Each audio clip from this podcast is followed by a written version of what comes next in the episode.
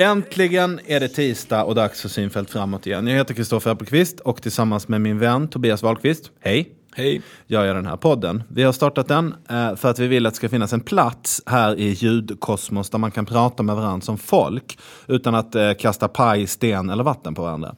Eh, målet är att vi ska prata med människor som ställer upp i något av årets val. Eh, en gång i veckan då hela vägen fram till riksdagsvalet i september. Innan då, dess är det eh, dock dags för EU-parlamentsval. För att det är sånt här supervalår i år. Eh, vår studio inryms på Tobias kontor på Södermalm i Stockholm. Eh, själv är jag inrest till Stockholm för ändamålet, för jag bor ju i Sunne i Värmland, som ni kanske har hört mig nämna vid eh, 10 000 tillfällen. Och där, i världens bästa lilla samhälle, så har vi en ICA-butik och den drivs av bröderna Börjesson. Varje gång jag handlar så drar jag mitt sånt här ICA-kort och genom avancerad så kallad datateknik kan då bröderna Börjesson kolla vad det är för någonting som jag handlar hos dem. Och jag kan eh, säga att det jag handlar mest av är jordnötssmör, vispgrädde, salami och Ben Jerry glass. Ja, för att det är sant helt enkelt. Och eh, då har ju Börjessons vänligheten att erbjuda mig förmånliga erbjudanden baserat på den här Eh, datan som de har fått av mig via mitt ICA-kundkort. Och dessutom så skickar de värdecheckar till mig när jag har handlat riktigt mycket. Så jag blir alltså kartlagd och analyserad och sen får jag eh, en specialbehandling, special treatment. Jag tycker det är underbart. Och nu undrar jag, gillar du också att få specialkomponerade reklamerbjudanden i brevlådan? Anna Troberg, partiledare för Piratpartiet.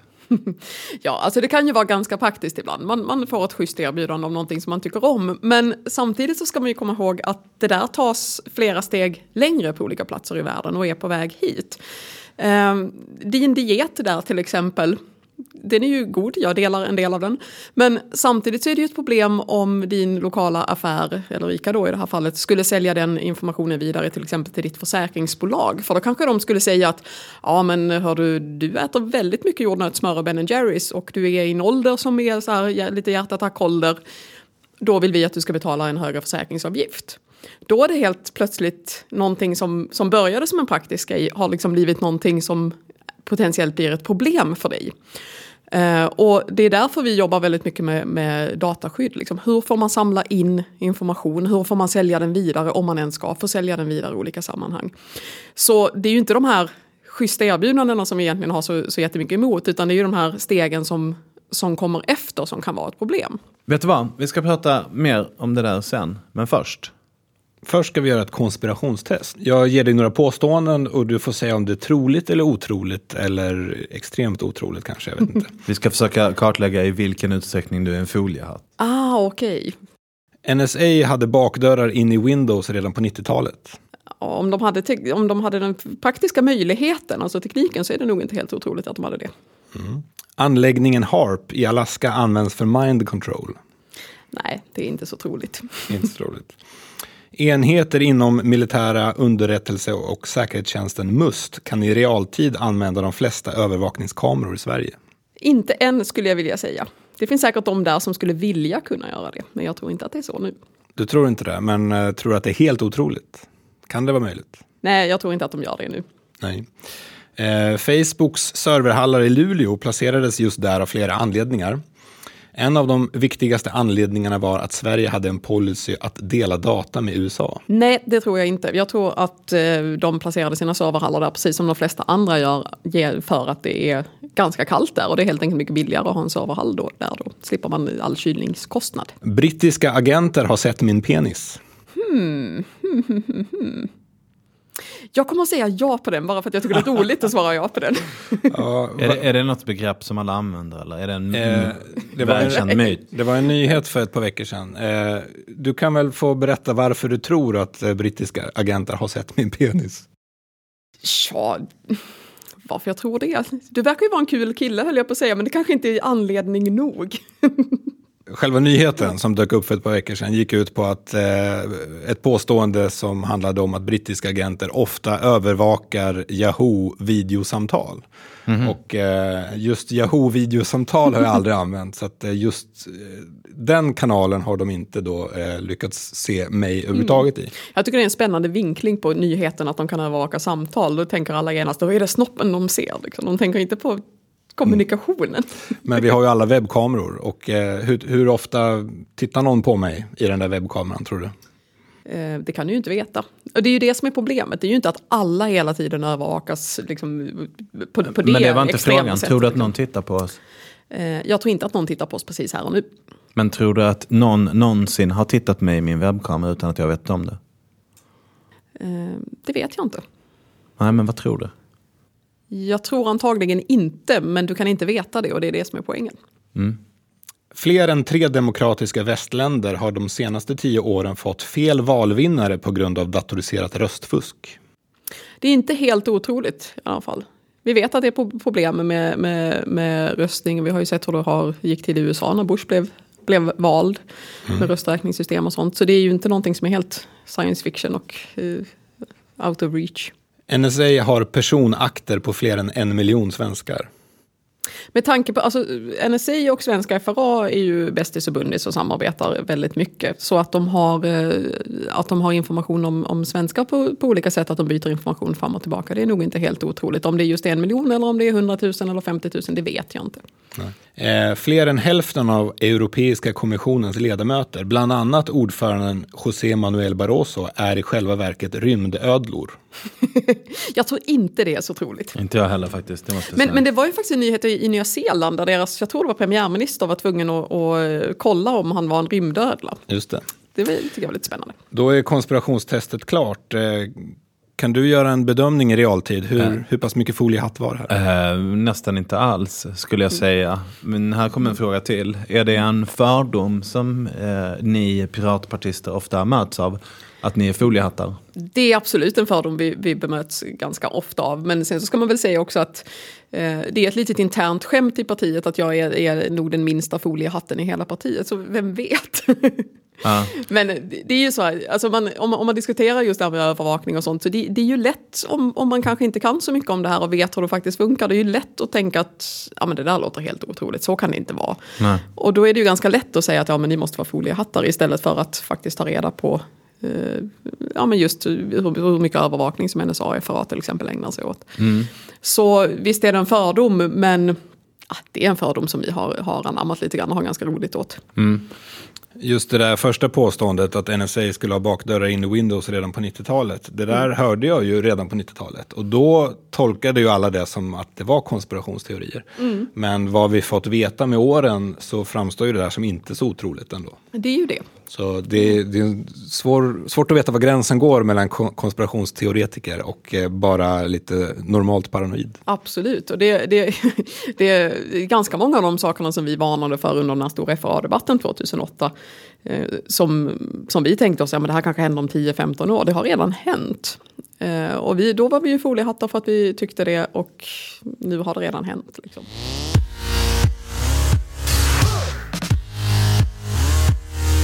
Va- varför eh, gav du dig in i politiken?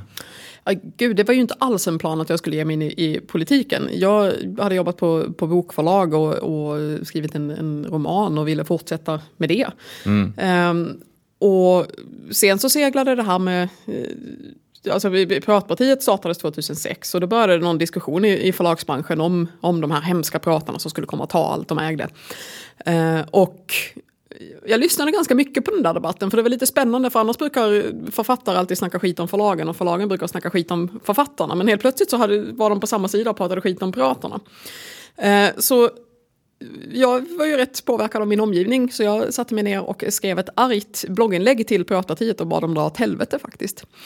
Eh, men jag tänkte att du vet, det är alltid lite skoj att peta i, i myrstacken. Men eh, det kom en massa trevliga pratare åt min blogg och jag började prata lite med dem och frågade ja, men alla de där klassiska frågorna. Hur ska upphovsmännen få betalt och, och sådär. Och jag tyckte att, jag höll inte med direkt, men jag, jag fick intressanta svar som jag kände igen från de problemen som jag hade i mitt, mitt jobb på förlaget. Så jag tog faktiskt ledigt från jobbet i, i två veckor och eh, pratade med massor med pirater och pratade med människor som inte alls var pirater eller är pirater nu. Ehm, och min tanke var att jag skulle komma tillbaka efter ett par veckor och säga, haha, ni har, ha, ni har fortfarande fel. Ehm, men efter någon vecka så insåg jag att det fanns nog lite mer där. Det fanns en poäng i, i, i det som piraterna sa. Framförallt så insåg jag att om man skulle ens försöka stoppa fildelning så behövde någon någonstans veta exakt vad jag skickade och tog emot med min dator. Och det är, visst ville jag gärna tjäna pengar på böcker på det sätt man alltid har kunnat tjäna pengar på böcker. Men om priset helt plötsligt var mitt och alla andras privatliv då, då fattade jag ett ganska medvetet beslut att nej, men då måste jag hitta ett annat sätt att tjäna pengar på böcker. Jag kan inte bara eh, fortsätta som om ingenting har hänt när hela världen faktiskt har förändrats. Men, men vad, vad är det då? Varför, kallar, varför, varför är ordet pirat något positivt till exempel? Vad handlar det om? Mm. Ja, men det är ju det här kopiering, eh, för det var ju ändå det som partiet växte ur. Eh, kopiering av, av böcker och filmer och musik, det har ju kallats eh, piratkopiering. Mm. Och eh, det är ju ganska galet överhuvudtaget att starta ett nytt parti. Det händer inte speciellt ofta. Och, och ska man göra det och liksom få, få uppmärksamhet för det så måste man välja ett namn som dels omedelbart talar om vad det handlar om. Mm.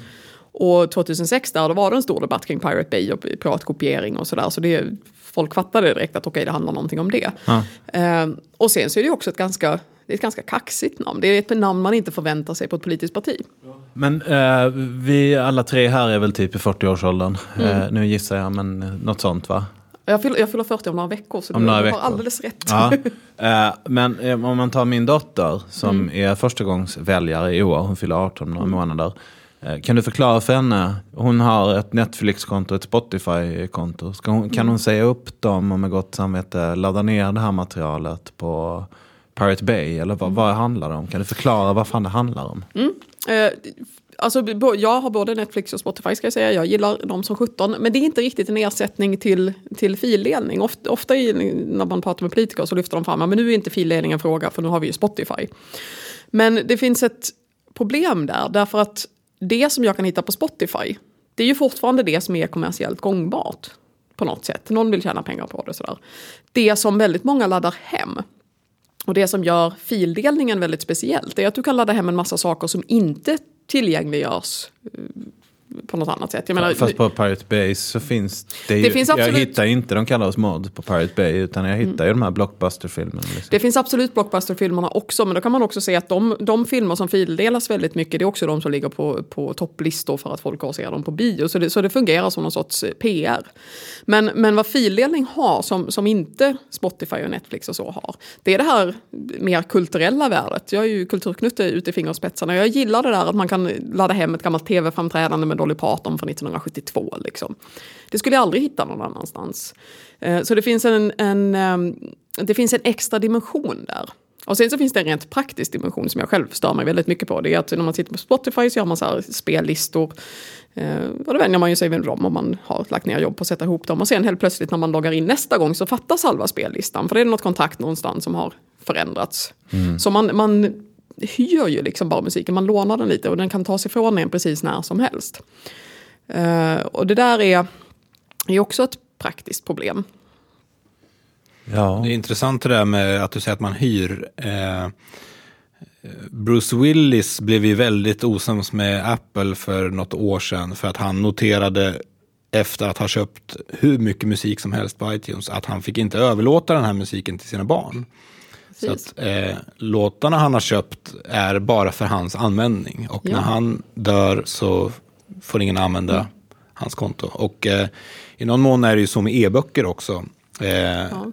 Köper jag en pocketbok för 42 spänn så kan jag läsa den och sen ger jag bort den till Kristoffer. Men mm. en e-bok är låst till mig. Mm. Eh, de har inte tryckt någon bok men den är ändå dyrare och jag får inte ge bort den. Det är lite märkligt. Nej, det finns ganska stora problem med det. Dels är det ju så vi, vi lägger ju ner väldigt mycket pengar på eh, på kultur på olika sätt nu för tiden. Vi lägger faktiskt ner mer pengar än vad man har lagt ner förut. På, på böcker och musik och sånt. Men det får inget bestående värde, precis som du säger. Man kan inte testamentera det till någon, utan det bara försvinner sen. Och det, och det är ju ett problem i sig. Eh, och när du pratar om e-böcker där, det har ju funnits tillfällen när ehm, människor köper en massa böcker på, på Amazon till exempel och sen så av outgrundlig anledning bestämmer sig Amazon för att antingen bara stänga av ens konto eller suga tillbaka en del böcker. Och det är ju ändå böcker du har valt att köpa, har betalt pengar för dem och sen så helt utom din kontroll så tas de bara ifrån dig. Men hörru, eh, mm. nu är ju inte jag din liksom eh, talcoach här men jag frågar ju, vad fan är meningen med att ha ett piratparti? Vad är grejen? Du kan ju inte på fullt allvar mena att grejen är att dina låtlistor på Spotify blir hackade. Nej, nej, nej, gud nej. Ja, vad, vad är grejen med att ha ett piratparti? Eh, det, har- det har aldrig handlat om gratis. Det har handlat om de där grejerna man aldrig får, får gratis. Till exempel integritet. Som jag sa förut, att om, om någon ska försöka stoppa fildelning så behöver någon någonstans veta exakt vad de, vad de skickar och tar emot. Och ni vet ju själva vad man gör på nätet. Liksom. Man, man dejtar, man köper saker, man umgås med kompisar, man jobbar på nätet. Det är inte rimligt att någon någonstans Jag har hört att folk ibland kollar på porr. Jag har hört det också, men jag kan inte bekräfta om det är sant. Nej, inte jag heller. Det... Nej, men liksom, så det blir... Och, och speciellt när det inte finns några undersökningar som, som, som inte är sponsrade av upphovsrättsindustrin ska vi då säga, för det, sådana finns det. Men, men det finns inga oberoende undersökningar som bevisar att det kostar samhället en massa pengar eller industrin för den Men välj delen, att man ett argument där då. Är, men välj ett argument. Vad, jag, jag försöker, jag försöker Mm. få det här till att bli ett, ett klart, om vi bara tar en sak i taget. Menar du att, okej, förvisso, även om du inte önskar det, så skulle väl om det var så att man till rimlig kostnad kunde sätta stopp för eh, att folk stjäl upphovsrättsskyddat material, ja, mm, då må det vara hänt. Det är inte huvudsaken. Men grejen är att det går inte, för kostnaden blir eh, e- enorma inskränkningar av den personliga integriteten. Är det, är det där skon klämmer? jag, nej, alltså så här, jag, tycker att, jag tycker att kostnaderna för den personliga integriteten så som det funkar idag är alldeles för stora. Ja. Helt oavsett det så är det bra med spridning av kultur och kunskap. Mm. Det berikar enskilda människor men det, men det berikar samhället också. Eh, Det får väldigt mycket positiva följdverkningar. Det finns ingen anledning idag att sitta och, och klamra sig fast vid en upphovsrätt som är helt föråldrad och skapades för en tid som inte alls ser ut eh, som, som det ser ut nu. Eh, och det, jag, jag brukar säga att den tid vi lever i nu, det är den bästa av tider för, för, för kreatörer, alltså människor som skapar musik och, och böcker och sånt. Det har aldrig varit lättare att nå ut med det man gör. Det har aldrig varit lättare att hitta en publik och själv ta betalt för det och sådana grejer. Um, förr i tiden så var författare då, som är den bakgrund som jag kommer ifrån, man var helt beroende av att skaffa sig ett förlag. Idag finns det ganska många människor som faktiskt har lyckats ganska bra på egen hand genom att ge ut saker och sälja på nätet. Och det betyder ju naturligtvis inte att det är lätt, att, att det går bra för alla. Så är det ju aldrig. Liksom. Det finns en anledning till att, att föräldrar vill att deras barn ska bli advokater och läkare och sånt och inte konstnärer till exempel. Men trots det så är det ändå mycket lättare för kreativa människor idag att leva på kreativ verksamhet än vad det någonsin har varit. Och det, det ska man liksom komma ihåg. För ofta blir debatten sådär att oj oj oj men titta nu på alla stackars svältande kreatörer. Det är faktiskt inte så. Det här är en bra tid. För några avsnitt sen så eh, pratade vi om, eh, vad heter han, ena halvan av Ratata. Eh, Mauro Scocco. Ma- Om Mauro Scocco. Och jag tog honom som exempel. Om Mauro Scocco, ja, det var väl grattis Mauro till att eh, en gång i tiden så kunde du sitta i din lägenhet och samla på klockor och bara, pengarna tickade in för att hitta som du skrev för länge sedan. Men eh, om du vill ha pengar nu, då får du ut och spela. Det är liksom den tråkiga nyheten. Den goda nyheten är att alla kan lyssna på din musik på Spotify om de, om de vill. Liksom. Eh, men då fick jag ett påpekande från en människa som sa, ja men vi tonsättare, eh, för oss funkar det inte så. Vi som skriver låtarna, eh, för oss funkar det inte så. Och då blev jag lite tagen på sängen. Vad skulle, vad skulle du svara till en tonsättare? Eh, nej men så är det naturligtvis. Det är inte alla som kan ut och, och turnera och sälja t-shirtar och sånt. Jag menar en författare kan ju kanske, visst det finns vissa som skulle kunna leva på att sälja t-shirtar men det är ju ändå väldigt få liksom. Men det finns ju ingen gudomlig ordning som säger att kontraktskrivande måste ske mellan precis de parter som det har varit de senaste 20, 30, 40, 50 åren.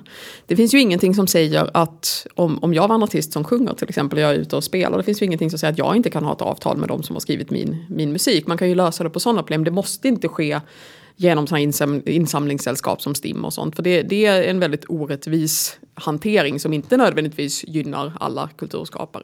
Okej, så nu är vi nere på två argument. Det ena är att eh, ska man hålla på och bekämpa nätpiratande så går det ut över integriteten.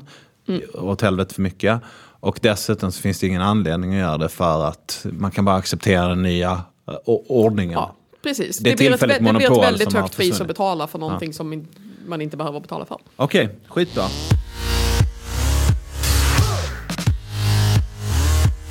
Men har du varit politiskt intresserad innan du blev piratpartist? Alltså jag, jag har alltid varit intresserad av min omvärld och, och om, av liksom sakfrågor och sådär. Men jag har liksom aldrig engagerat mig i något politiskt parti. Det var, det var inte en grej som jag trodde att jag eh, skulle göra.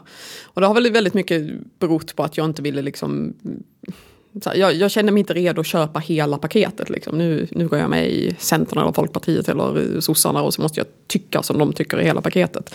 Jag har alltid varit lite för spretig för det, så jag, jag känner mig inte bekväm med det. Ja, det där är ju någonting som många känner igen sig i tror jag. Men jag tror att man kan tolka er så också. Ni har ju både nyliberaler och eh, kommunister i samma parti. ja, alltså vi har ju väldigt... Eh, när, när Piratpartiet startade så kom det ju människor från, från alla möjliga partier mm. dit. För vi samlades liksom kring andra frågor. Vi, mm. vi opererar inte riktigt på den där höger-vänster-skalan som de andra gör. Um, och det har ju tidvis varit lett till ganska turbulenta diskussioner om saker och ting. Men samtidigt så har det liksom, det har fungerat ganska bra just för att, eh, ja men som jag sa, vi, vi är liksom lite på en annan skala. Vi hanterar saker lite på andra sätt. Så det, så det har funkat ganska bra. Eh, du är partiledare, hur länge har du varit det?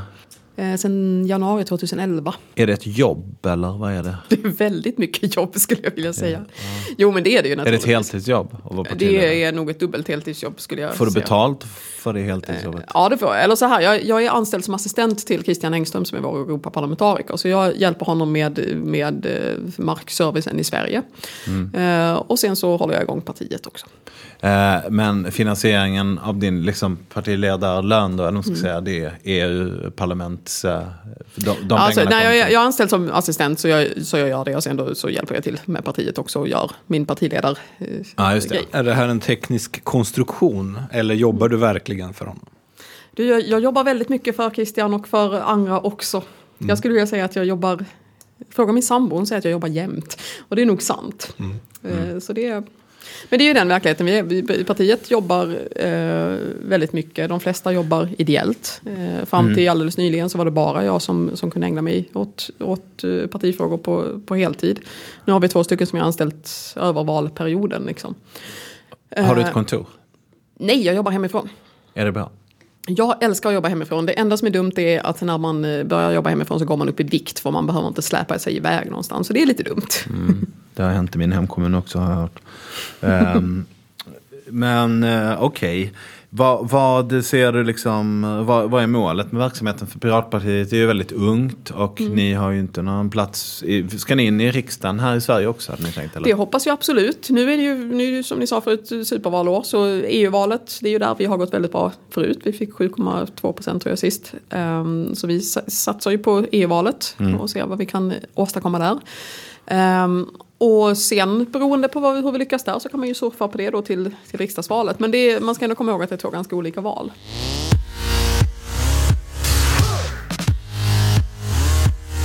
Jag eh, erbjuder dig här med en minut, men max en minut och vi är mycket stränga, där du eh, får berätta varför vi ska rösta just på Piratpartiet i EU-parlamentsvalet.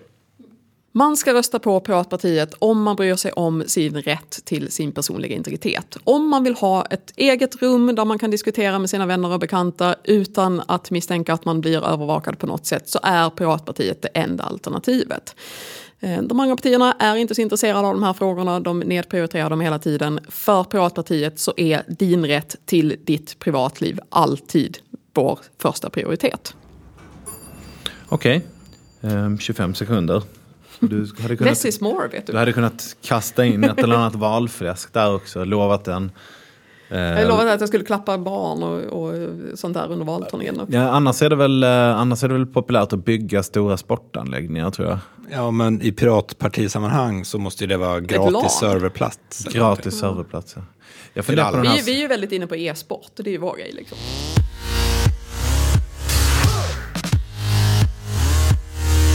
Ni har ju suttit i Europaparlamentet i snart fem år. Mm. Vad har ni gjort för nytta där egentligen? Vi har till exempel varit väldigt drivande i att stoppa ACTA. ACTA är ju ett väldigt otrevligt handelsavtal som EU och USA skulle, eh, skulle komma överens om.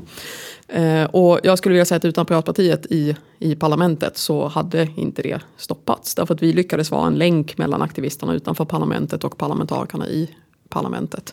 Så det är ju en av de där stora fjädrarna i hatten verkligen. Men Sen, gröna gruppen låg ju bakom mm. det där. Du menar att det var ni i gröna gruppen som, som var själva kärnan? Piratpartiet sitter i, i gröna gruppen precis och vi ja. har varit väldigt drivande med just den, den frågan. Sen har vi också varit väldigt drivande i just den här frågan om dataskydd som vi pratade om i början. Eh, därför att det är en fråga som de, de andra eh, partierna både i, i, Sverige och i Europa är väldigt sena på bollen med. Man, eh, man har dragit på det där och inte riktigt förstått varför det var så viktigt och nu står vi helt enkelt inför en, en situation där där vi, vi alla har personuppgifter som flyter omkring lite vind för våg och man har ingen kontroll över det. Så, så där har vi verkligen varit på bollen och försökt få upp det på agendan så mycket som möjligt. Sen har vi, eh, när det gäller upphovsrätt, så har vi faktiskt lyckats få med oss hela den, den gröna gruppen på Piratpartiets vision om hur vi vill se upphovsrätten i framtiden.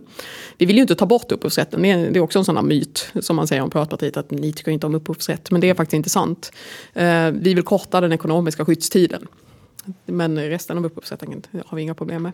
Kan du berätta kort då, vad, vad består önskeupphovsrätten i? Som det ser ut nu så har ju upphovsrätten gäller ju 70 år efter upphovsmannens död och det tycker vi är helt galet. Vem tjänar pengar 70 år efter sin död? Eh, vi skulle vilja ha en upphovsrätt som, som är mer anpassad efter hur verkligheten faktiskt ser ut. Hur länge finns det en ekonomisk bärkraft i de flesta verk. Så vi skulle vilja att man har en ekonomisk skydds, skyddstid på fem år efter att verket skapades. Och sen ska upphovsmannen kunna förlänga den här skyddstiden med fem år i stöten upp till 20 år. Eh, genom att betala eller vadå? Ja, genom att registrera någonstans att nu vill jag förlänga den här. Eventuellt med en liten avgift. Men, men ändå att man måste vara aktiv i att behålla sin upphovsrätt under hela den här tiden. För väldigt mycket upphovsrättsskyddat material nu det, det, är liksom ingen som känns vid det men ändå så det går inte att använda det och det är ett problem. Men kan man inte tänka sig att man måste ansöka om att få upphovsrätt till sitt verk redan från dag ett? Det finns, de, det finns absolut de som vill det också. Men vi, vi tycker ändå att en fem års skyddsperiod, ekonomisk skyddsperiod, tycker vi är helt rimligt. Och sen att man kan förlänga den till upp till 20 år. För man ska ju också komma ihåg att det är, det är väldigt stor skillnad på till, om man ger ut en bok eller om du gör en stor film. eller något sånt. Det är ju olika investeringskostnader och sånt. Och det, och det måste man det måste finnas en, ett visst hänsynstagande till det. Mm. Men varenda mobilbild har ju verkshöjd enligt definitionen. Eh, Ja, alltså det, det, är ju också ett problem med, med upphovsrätten som, som den är idag. Att den, är den är svår att förstå i det samhälle vi lever i. Jag menar, vi har ju IT-ministern till exempel satt och, och la ut en massa roliga, tog så bilder från seriealbum och la ut på sin Instagram. Och det får man ju inte göra, det är ett upphovsrättsbrott. Liksom, om inte IT-ministern som faktiskt har med sådana här saker att göra till viss del. Om inte hon förstår att hon begår ett brott, hur ska då en 14-åring som sitter hemma och instagrammar med sina kompisar veta att de begår ett brott? Men det är ju stor skillnad på lagstiftningen och praxis. För att eh, till exempel mm. Facebook är ett enda stort upphovsrättsbrott. Men Absolut. vi är ju överens om det. det. Det är ingen som är omoralisk när man fotar av en serieruta egentligen.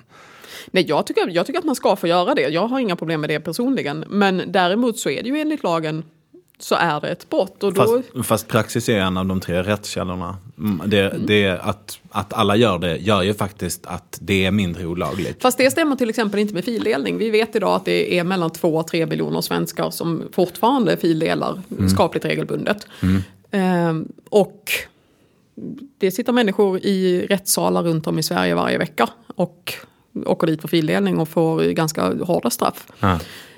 Så det är ju typ ett sånt exempel där även om väldigt många gör det så, så anses det vara ett brott och det straffas som ett brott. Hmm. Vad brukar Intressant. påföljden vara? Ja, det varierar ju lite grann men det är ganska höga, höga böter. Eh, och villkorligt fängelse har, har varit med på några. Men snackar vi om så... folk som har en server då som står och pumpar ut massor med grejer eller är det så som min, ja, vi har en kompis Evert mm. ju som handlade ju ner till exempel, idag har han laddat ner senaste avsnittet av Suits. Mm. Eh, på, är det liksom på den nivån? Ladda ner några avsnitt av en tv-serie? Det, det, har förändrats lite grann. I, I, början så var det ju ganska mycket de där stora, de som hade eh, liksom servrarna de som, och sådär som, som ah. åkte dit. Men nu ger man sig mer och mer efter små, små fisken. Liksom. Alltså. Eh, så det är ganska ja, det många helt vanliga människor som har laddat ner liksom 20 låtar Är det som sant? Ja. Ja, Jag fan. tror att det var en person som laddat ner en Beck-film som fick betala 16 miljoner i böter. Någonting sånt ja. Det är, alltså det är väldigt höga belopp och, och då som sagt villkorligt fängelse och sådana kan de ju göra tre nya Beck- Beck-filmer för. Tre, Ja. de kan göra 300 ner Ja, Beckfilm. de har ju en Beckfilm kostar typ bandelsprinciper. 150 000. Ja, Jag men tror de sen kan ska göra ju Persbrandt ha 7 miljoner i arvode också. Persbrandt, ja det är sant. Det är, Ja, det är där sant. de flesta pengarna. Åh fan, ja, okej, nej men det är väl det. Vad tror du, vad tror du om liksom eh, genomsnittliga 40-åringens eh, eh, verklighetskoppling? Har vi ett problem där också, att vi inte har koll på hur det ser ut? Eh, menar de upphovsrätt och, och sånt eller? Ja, problemet, integri- integritetsproblemet, vad fan, jag har väl ingen, Ja, det, jag, jag märker ju inte om det är någon som har ångat upp och sen klistrat ihop mina e-mail igen när jag läser dem. Nej, alltså jag, jag, tror att det, jag tror att det finns en ganska låg medvetenhet om, om riskerna. Jag tror att folk vet att ja, men FRA gör ungefär det där och NSA har hållit på med fuffens nu. Liksom. Men, men jag tror inte man har en medvetenhet om vilken skada det kan, faktiskt kan, kan leda till. Eh, Jag brukar säga att övervakning är lite som, som eh, radioaktivitet. Det finns där och det skadar men det tar liksom tid innan det märks. Ehm, För all den här informationen som samlas ihop nu, den kommer tids nog att börja läcka. Den kommer tids nog att börja missbrukas. Men vi är inte riktigt där än i Sverige. Vi har sett det ske på lite andra ställen. Vi, vi har ju till Exempel? Ja, vi har ju till exempel implementerat datalagringsdirektivet i Sverige. Eh, man har någon liknande variant både i, i Tyskland och på, på Irland. Och, och där vet man att människor som jobbar till exempel inom poliskåren och sånt eh, använder möjligheten att kunna plocka fram information för att kolla upp gamla pojkvänner eller flickvänner eller vad gör de för någonting och sådär. Eh, och det är ju naturligtvis inte det det är tänkt att användas till. Men det har med människor att göra. Människor gör misstag, medvetet eller omedvetet. Saker läcker. Ehm, Och det här skapar problem. Den, den enda riktigt säkra informationen är information som aldrig någonsin har blivit insamlad. Ja, du har fortfarande inte fått mig att bli upprörd över vilken värld vi lever i. Så du får nu jobba lite hårdare på det.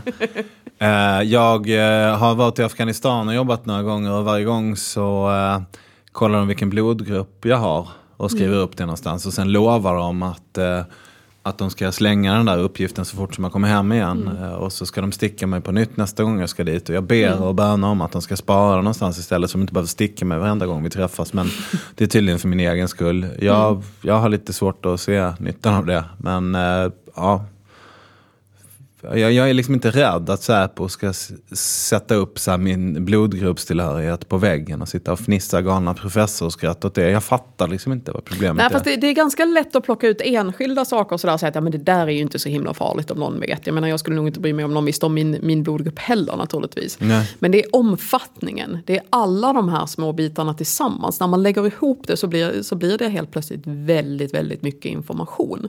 Som ingen jävel orkar gräva i. Ja, det, men det är det du inte vet. Jag tror inte att, att de flesta av oss kommer att råka ut för en situation där man gräver upp allt det här och försöker hitta någonting. Men det faktum att informationen finns. Jag menar, den information vi samlar in i Sverige, till exempel med att man har en bil, mobil, mobiltelefon i fickan eller någonting sånt. Eh, då samlas det in information var man befinner sig, vem man pratar med och, och sådana saker. Eh, liknande system har använts i till exempel Syrien för att kolla vilka har funnit, befunnit sig på ett visst torg vid en viss tid. Ja, men det var en demonstration där på tisdag eftermiddag. Då vet vi att de som var där var med i demonstrationen. Ja, men det där är ett bra argument för att, det där är ett bra argument för att inte byta ut eh, regeringsformen mot Weimarrepublikens eh, konstitution. Det är, ett jättebra, det är ett jättebra argument för att inte pilla i grundlagen. För att inte, men men alla, allting kan ju missbrukas. Vi har ju soldater med AK5 och poliser med Glockar. Kolla vad de används till i Syrien. Det är inte ett argument för att våra soldater ska gå obeväpnade. Eller hur? Det är ju missbruk sker. Ja, men Slut. problemet är att desto mer information du samlar in, desto bredare blir felmarginalen. Eh, och jag skulle inte vilja hamna i FRAs eller datalagringsdirektivets felmarginal.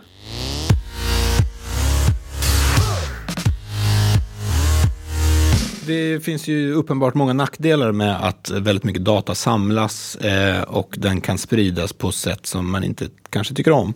Men det finns ju väldigt många fördelar också. Eh, till exempel så bedömer jag att risken att jag ska bli misstänkt för ett brott som jag inte begått lär vara mycket, mycket obefintlig. Just för att jag har teknisk bevisning med min telefon och fartkameror och eh, mitt uppkopplade larm och så vidare. Det är väl en fast- fördel för mig som lever som en hedersknyffel. Fast problemet där är ju att du har inte kontroll över den informationen. Du har inte kontroll över vilken information en, en fartkamera har till exempel. Du har kontroll över din mobiltelefon möjligen om den inte tas, ifrån dig. Men en fartkamera har du ingen kontroll över. Men den skyddar ju mig. Ja, det är jag inte så säker på. Borde, borde det inte vara lättare att, att skaffa ett alibi nu? Visst, om du har din mobiltelefon med dig och du kan säga men jag pratar med den här människan där och då och så, så skulle du förvisso kunna, kunna visa att du, att du var på en plats. Men det, det är ju fortfarande under förutsättning att du har kontroll över den informationen, att du själv kan plocka fram informationen. Och det är inte alls helt säkert att du kan i alla sammanhang.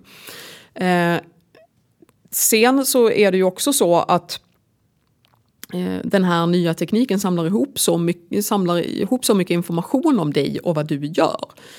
Så det kan helt plötsligt vara så att du connectas med ett sammanhang som du kanske inte, som du förvisso har men som, som inte betyder samma sak för dig. Ponera att du ringer ganska ofta till ett gym. Du går dit ganska ofta, då kan de följa med din telefon Så här, men han har gått dit, han går dit tre gånger i veckan. Och så har han ringt till han som äger gymmet och så visar det sig att han som äger gymmet har hållit på med något, någon sorts fuffens. Då är du helt plötsligt connectad med honom på ett, på ett helt annat sätt än, än tidigare. Så det, det går åt båda hållen. Och jag, det kan man ju naturligtvis väga som man vill, men jag väger det som att, att eh, nyttan är mindre än risken. Det kan vi ju aldrig veta. Eh, folkpartisten Johan Persson säger att FRA har räddat liv. Tror du på det? Jag vet att Johan Persson säger det, men så länge han inte kan backa upp det med några som helst bevis så tänker inte jag lita på vad Johan Persson säger i det fallet. Jag tror att han mycket väl kan ha rätt, men det behöver ju inte säga att han har rätt i sak. För att vi skulle ju också rädda liv om vi aldrig körde bil mer än 30 km i timmen. Då skulle vi antagligen rädda väldigt mycket liv. Så allting måste ju vägas Allt, i allt någon måste slags vägas perspektiv. naturligtvis. Men sen ska man komma ihåg också att när, när riksdagsledamöter säger att ja, men vi vet att FRA har gjort det här och det här. Faktum är att de vet ganska lite vad FRA gör. När det kom, när det kom fram att, att FRA har ett väldigt nära samarbete med NSA till exempel. Så stod både Johan Persson och Allan Widman och, och var helt så här. Ja men oj hoppsan, eh, nej men det visste vi inte riktigt. Eh, vilket visade ganska tydligt att de har inte så jäkla bra koll som de försöker ge sken av att de faktiskt har.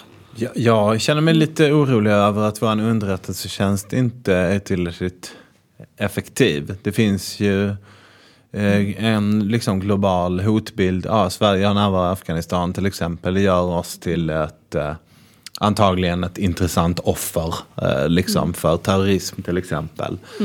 Eh, jag tycker inte man ska överdriva det heller, men då hoppas jag att vår underrättelsetjänst är bra på att inhämta underrättelser och avvärja hot och sådär.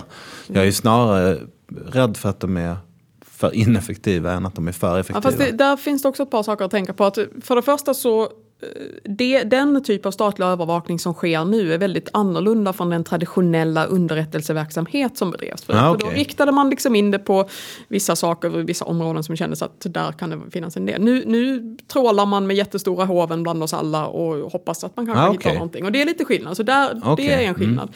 Sen ska man också tänka på, visst är det så, närvaro i Afghanistan ökar säkert risken för, för Sverige. Jag tror att uppgifter om att FRA samarbetar så nära med NSA säkerligen gör oss till ett mer intressant eh, mål för terrorister därför att USA har många fiender runt om i världen.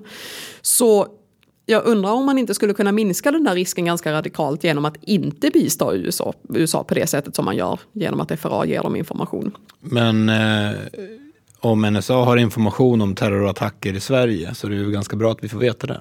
Ja, men grejen är att Sverige skickar massor med information till USA. Vi sitter i den positionen att vi har kontroll över eh, kablarna som går från Baltikum, alltså internetkablar som kommer från det hållet. Det är information som USA vill ha. Och vi skickar information dit. Därför att FRA får byta information med, med andra, andra länder. Dessutom så har de någonting som de kallar en utvecklingsverksamhet. Och de regler som gäller för resten av verksamheten gäller inte riktigt lika mycket för den där utvecklingsverksamheten. Så vill de hålla på med någonting som är lite extra allt så är det utvecklingsverksamhet. Eh, och där finns det ju ett problem.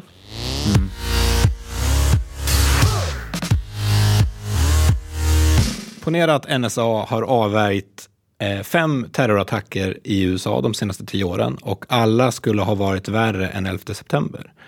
Om det vore sant eh, så borde vi vara väldigt tacksamma för det såklart. Och vi kan inte veta om det är sant eller inte. Men om det vore sant så är du med och bidrar till någonting som skulle kunna bli väldigt ödesdigert? Har du tänkt så ibland? Eh, alltså för, för det första vet vi inte om det är sant. Man, man vill gärna liksom rättfärdiga sin verksamhet på olika sätt. Och det är ju väldigt lätt att göra det när vi inte har någon som helst möjlighet att bevisa att det faktiskt stämmer. Eh, sen så ska man ju också komma ihåg att det finns, det finns andra risker med att eh, bygga upp ett övervakningssamhälle på det sätt som nu sker. Hur, hur många människor lider, lider skada av det. Det kan vi inte räkna ut, det kan vi bara spekulera om. Men jag tror att den mängden människor som på olika sätt far illa där är nog inte heller försumbar på något sätt. Så jag är ändå helt övertygad om att, att ett, ett öppet, bra, demokratiskt samhälle som litar på sina medborgare och inte förutsätter att de är potentiella skurkar är ett bättre samhälle att leva i än ett samhälle som, där man betraktas som en potentiell brottsling. Eh, jag tror det är viktigt att samhället litar på sina medborgare. Sen så finns det naturligtvis människor som, som, som inte kan leva upp till det förtroendet. Det har alltid funnits. Ehm, terrorism och andra våldsamma hot mot samhället är inget nytt. Det har alltid funnits med mänskligheten på olika sätt. Men jag tror att ett, ett samhälle som är öppet och demokratiskt har mycket bättre möjlighet att hantera enstaka eh, terrordåd som händer. Än ett samhälle som, där man, eh, ja, men som jag sa, där man övervakar medborgare och behandlar dem som potentiella brottslingar. Men kan inte ett samhälle vara öppet och demokratiskt och ändå eh, att det sitter kameror på gator och torg? Hur fri är du att prata med dina vänner om, om saker och ting? Hur fri är du att diskutera åsikter och, och, och saker som händer om du vet att det kan vara avlyssnat? Ja, det, det finns undersökningar som visar att man förändrar sitt beteende väldigt mycket om man potentiellt kan vara övervakad på olika sätt. Ja, men till exempel när jag kommer in på mitt gym så står det en webbkamera på disken. Mm. Eh, det sitter inte en människa där, utan mm. det står en webbkamera på disken. Eh, ja, då tänker jag att då sitter väl den människan och håller på med bokföring inne på kontoret. Och det var skitbra att de inte behöver vara mm. två stycken, utan det kan vara mm. en. Att den människan sitter där och tittar på mig. Om den människan sitter där eller om det står en kamera där, det skiter mm. väl jag i. De får gärna kolla på, om de vill sitta och kolla på när jag knyter dojorna, gör det vad fan. Uh, jag, jag, tänker inte peta i näsan om det står en kamera där. Jag tänker inte peta i näsan om det sitter en tant där. Så mm. då är ju det viktiga att de talar om att det är en kamera där. Alltså om de skulle ha gömt en kamera, då skulle jag uppleva det som ett alltså övergrepp. Det, det är ju en viktig skillnad till att börja med. Men sen ska man komma ihåg att, att kameror ute i samhället, alltså så här, kameror på gator och torg och sånt. Det, det, är en ren myt att de minskar brottslighet och att det är ett bra sätt att nu lösa byter du argument. Nej, men det är så här. Om London är antagligen världens mest filmade stad. En genomsnittlig Londonbo som tar sig till jobbet och handlar mjölk och sen går hem igen blir filmad mellan 300 och 400 gånger om dagen. Det innebär att personen antagligen har flera kameror på sig hela tiden. Och i London så har man, nu när man har haft det så här ganska länge, det rör sig om någon tioårsperiod, så har man kommit fram till att man löser flest brott på de ställen där man har minst kameror. Och det gör man därför att har du inte kameror så har man traditionellt polisarbete. Man går faktiskt ut och pratar med folk där brottet har begåtts. Och så löser man fler brott. Så, så det är, en, det är en, en falsk trygghet i de där kamerorna som, som inte Eh, som liksom inte riktigt lever upp till förväntningarna. Eller, det låter ju som att de gör varken till eller från. Ja, fast du, om, du, om du överlåter bort alltså polisens verksamhet till kameror och det löser mindre brott. Mm. Då har du ju satt dit en massa kameror för en massa pengar och du har inte fått något för det. Du har fått färre lösta brott. Men om man tänker sig en kamera som sitter vid skåpen på en gymnasieskola och filmar mm. de där skåpen. Det är ingen som får titta på det där och det är man tydlig med. Vi tittar inte på det här. Men om det förekommer skadegörelse eller inbrott i mm. skåpen mm. så att någon blir av med sin dator eller sin väska. Då tittar vi på mm. vem det var som gjorde det. I mina öron är det helt rimligt. Men det är ju därför också, det finns ju jag tycker att det ska finnas kameror på vissa ställen. Jag tycker det är helt okej att det finns kameror vid, vid en bankomat till exempel. Jag tycker inte att det är ett jättestort problem. I en taxibil? Om, om det hjälper och ger en tryggare miljö så visst. Mm. Men som du sa, det ska talas om att det finns en kamera. Mm. Det ska vara restriktivt. Ja. Det ska inte vara att man får smälla upp kameror precis var som helst. Utan det ska faktiskt det ska finnas ett reellt behov. Mm. Jag tycker inte man ska sätta upp kameror i skolor bara sådär, eller runt skolor. Visst, om det har förekommit massor med, med skadegörelse eller misshandel och sånt där, kanske. Hade kanske varit bättre att faktiskt skicka dit en människa som undersökte brottet ordentligt istället.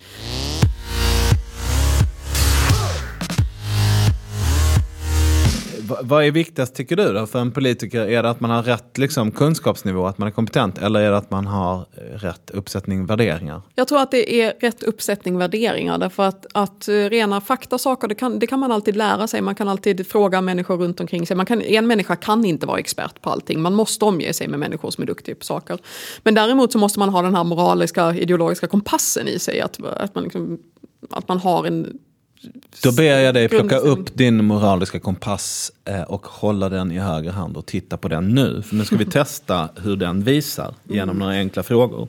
Är det okej att sälja sex? Jag tycker att det är okej att sälja sex om, om, man, om man själv vill det. Liksom, om man inte gör det av, av tvång av något slag. Eh, Men eh, kan man bortse från de, eh, ja, könsmaktsordningen till exempel, de strukturerna som man verkar i som kanske inte är omedelbart synliga. Kan, kan det finnas någon skenbar frivillighet i det här tror Det du? kan absolut finnas en skenbar, skenbar frivillighet i det och det var därför jag reserverade mig och sa att om, om man verkligen vill det. Sen ska man komma ihåg också att, att bland unga människor så är det väldigt mycket killar som säljer sex. Så, så det där slår olika på olika åldersgrupper. Mm. Eh, Det visste inte jag. Det Där ser vi. Eh, Kan det vara okej att ljuga? Jag tycker inte man ska ljuga stora lögner mot väljarna och sådär. Jag tycker det är helt okej om en kompis kommer och har klippt sig och ser för jävlig ut och säger att ja men det där var ju... Då behöver man inte vara ärlig. Kan det vara okej med aktiv dödshjälp? Ja, det tycker jag absolut. Kan det vara okej att begå självmord? Ja, det tycker jag absolut. Att kasta sig från pendeltåget? Jag tycker- 200 människor per år i Stockholm. Det är väldigt många som gör det. Jag, jag, jag förstår att människor kan, eh, kan vara så desperata som gör det. Jag hoppas att de hellre söker hjälp. Men jag tycker liksom inte att det finns någon moralisk, oj vilken hemsk människa som, som, som gjorde det. Det känns väldigt förlegat och så här gamla religioner och sånt. Eh, man kanske ska välja sätt dock som inte traumatiserar andra människor i så fall. Eh, Kan det ibland under vissa förutsättningar vara okej att äta mat som inte är kravmärkt? Ja, det tycker jag. Mm. Hur motiverar du det då? Tycker du om gifter eller vad är det? Nej, jag tycker inte om gifter. Jag är faktiskt väldigt duktig med att äta kravmärkt och ekologiskt odlat och hej och hå. Eh, för jag tycker att det är viktigt. Eh, Kan det vara okej att knarka? Ja, det tycker jag. Eh, Jag tycker det- inte att det är bra, jag skulle inte göra det själv. Men jag tycker inte att eh, ett, ett litet bruk för, alltså ett, ett bruk som inte är ett missbruk är ett jätteproblem. Eh, Men var går gränsen där då? Är det vilket knark man vill så länge man... Nej, alltså, för, för Partpartiets del så tycker vi att eh, små doser för personligt bruk ska vara lagligt att ha. Därför att vi tycker att man ska, eh, man ska ge sig på knarkproblemet på, hos langare och de som tillverkar och sådana saker. Man ska inte ge sig på slutanvändaren. Kan det vara okej att döda djur?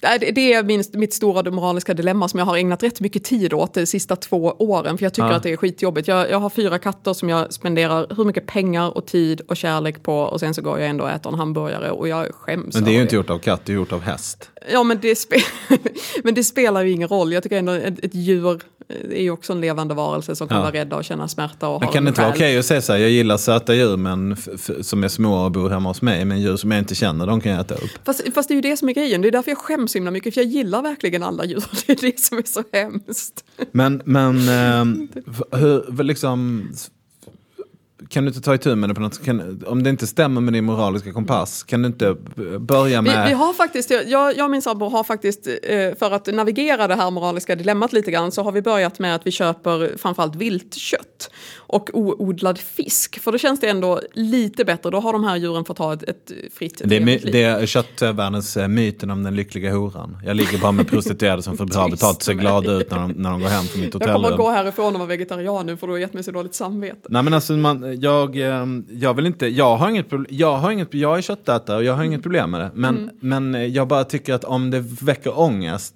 sluta äta kött. Det är ju Men inget det, det, svårt. det är ju exakt det jag har suttit och sagt nu här Ja. i mina långa diskussioner med mina stackars vänner som måste lyssna på min ångest över, över Ja. det där. Men det är som att vara ledsen, åh så här, jag är full tre gånger i veckan, jag får sån Mm. ångest. Var inte det, sluta. Det är bara att göra, fan. Jag kan inte säga någonting annat än att du har helt rätt. Bra, säg det en gång till, Du högre. har helt rätt.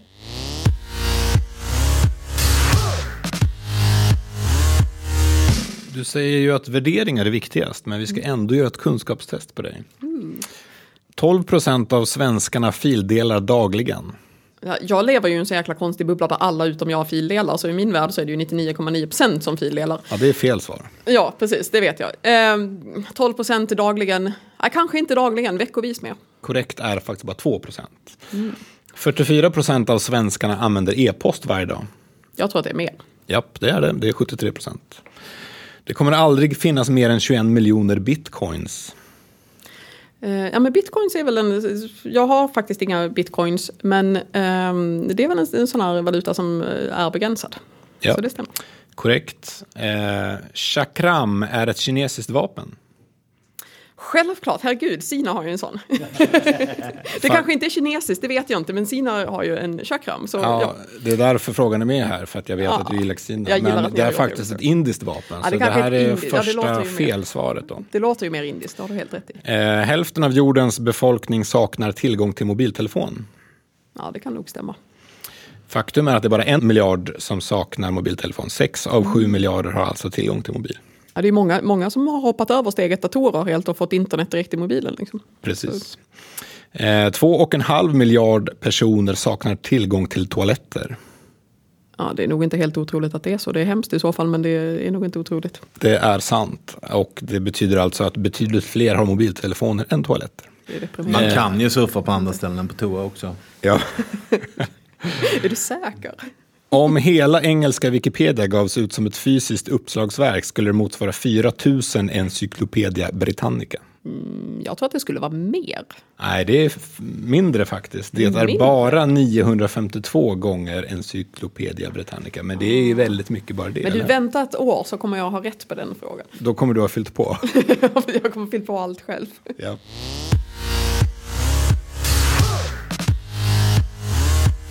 Jag vet att jag med en bok också. Vilken har du valt?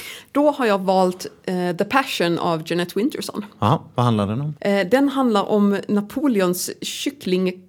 Ja, inte kycklingkock. Han, han som hade till uppgift att vrida nacken av kycklingarna under eh, Napoleons... Bödel, kycklingbödel. Ja, typ så. Och dessutom om en kvinna från Venedig som har simhud mellan tårna. Det är en Okej. fantastisk bok. Vad heter den sa du? The Passion. Du, ehm, sista momentet. Jag tar upp min börs och tar fram ett porträtt av ehm, Carl von Linné. Ja, Och eh, ger den till dig. Det är en så kallad hundralapp. Ibland har det varit en 500-lapp. Men nu, ja, vi, det har varit mycket omkostnader här för podden. Vi har köpt nytt tyg bland annat. Eh, så det blir en hundralapp. Och du får den på ett villkor. Det är att du berättar hur du tänker investera den.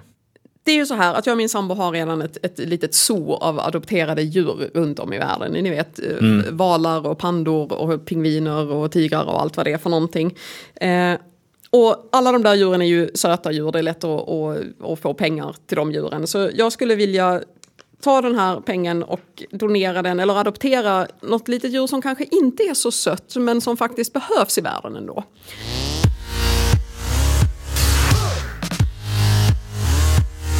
Då återstår bara att tack för idag. Tack så mycket. Tack för Lycka till i valet. Ja, så till I'm on a dance like an earthquake was shaking me. I'm gonna sing like my heroes were with me. Yeah. I built an